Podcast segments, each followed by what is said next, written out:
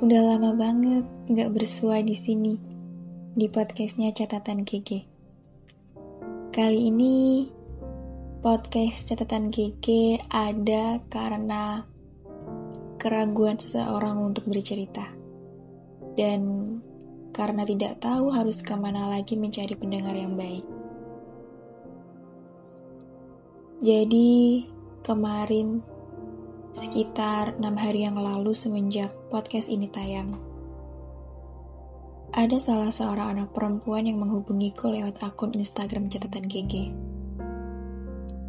Namanya Mirna.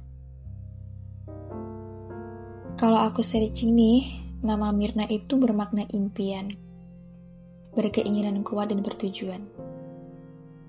Sama halnya seperti dirinya sebagai anak perempuan terakhir Oh ya, sebelumnya aku udah izin terkait privasi nama dan beberapa ceritanya. Aku senang karena dia mau berbagi cerita tak hanya denganku, melainkan dengan orang lain.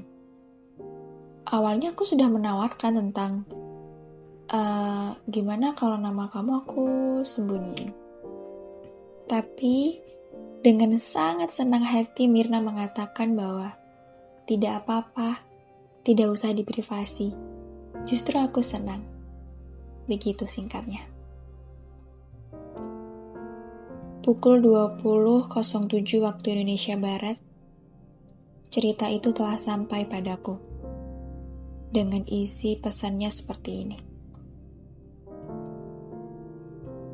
Aku lagi gak baik-baik aja, Kak. Aku dipaksa bertahan dan dewasa oleh keadaan.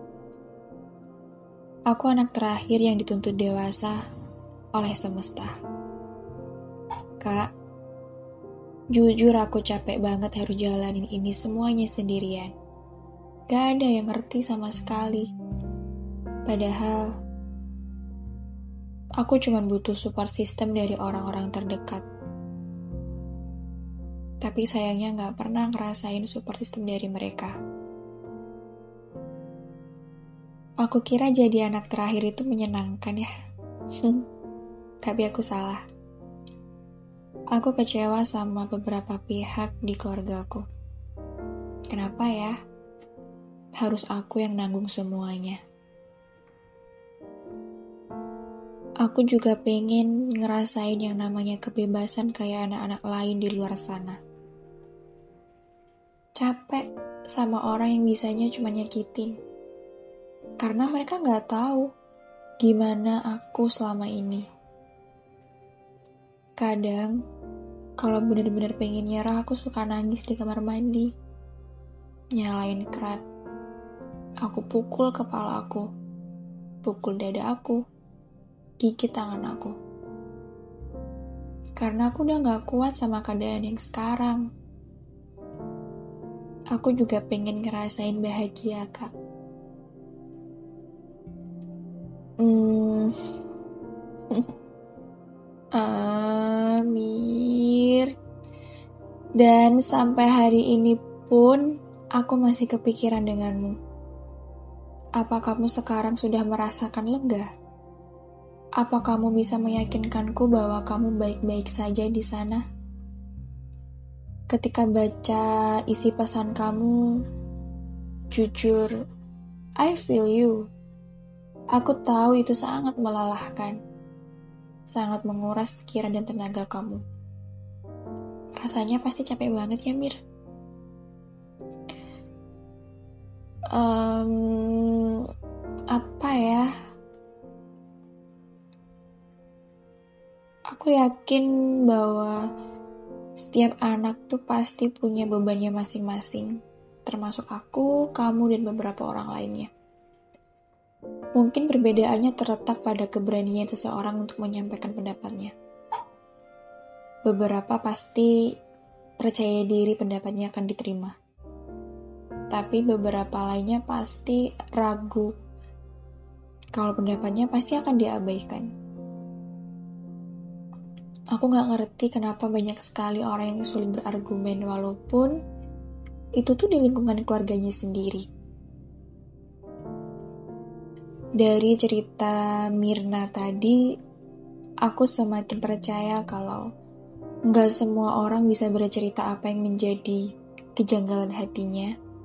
Nggak semua orang punya support system yang emang benar-benar bisa jadi pendukung dan pendengar dia yang baik gitu.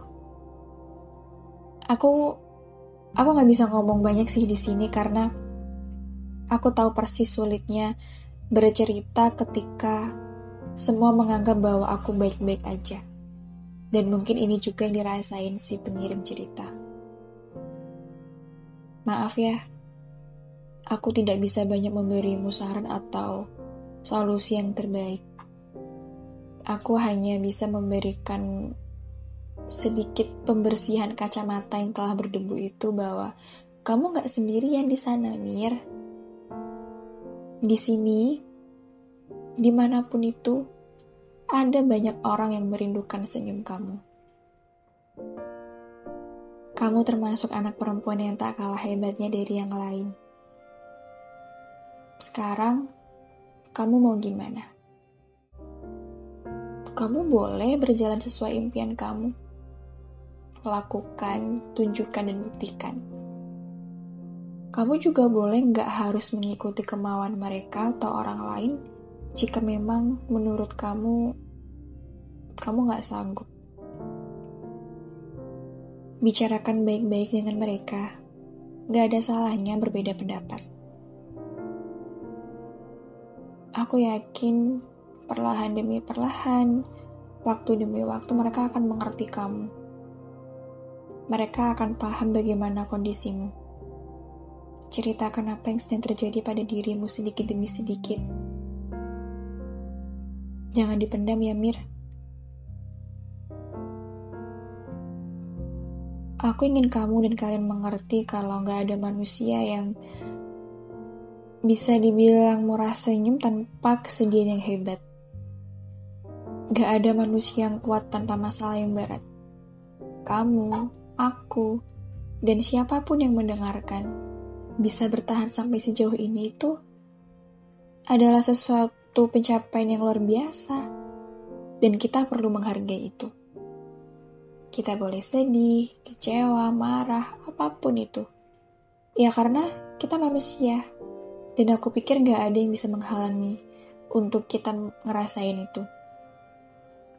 Bayangin sebuah gelas kosong yang sedikit demi sedikit kamu isi dengan air. Pasti lama-lama akan penuh juga, tapi kamu harus cari tahu caranya supaya gelas itu nggak terlalu penuh. Bisa dengan cara dikeluarkan lagi sedikit-sedikit airnya. Sama kan kayak sedih dan capeknya tadi. Kita bisa meminimalisir dengan mencoba bercerita.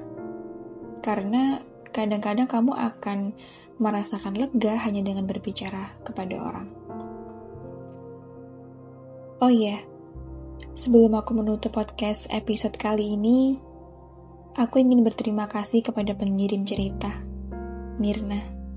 Terima kasih atas cerita kamu. Terima kasih karena kamu sudah mau berani untuk berbicara apa yang sedang kamu rasakan sekarang. Mir, jujur aku gak suka kalau kamu melegakan perasaanmu dengan menyakiti tubuhmu. Aku rasa itu akan terlalu membuatmu semakin sakit dan kecewa. Kamu sempurna dengan cara kamu, Mir. Jangan lagi nyakiti diri kamu ya. Uh, kamu bisa untuk mencoba menikmati secangkir teh hangat dan membaca buku demi ketenanganmu, atau menikmati secangkir kopi dengan pemandangan senja di luar sana untuk menyegarkan pikiranmu.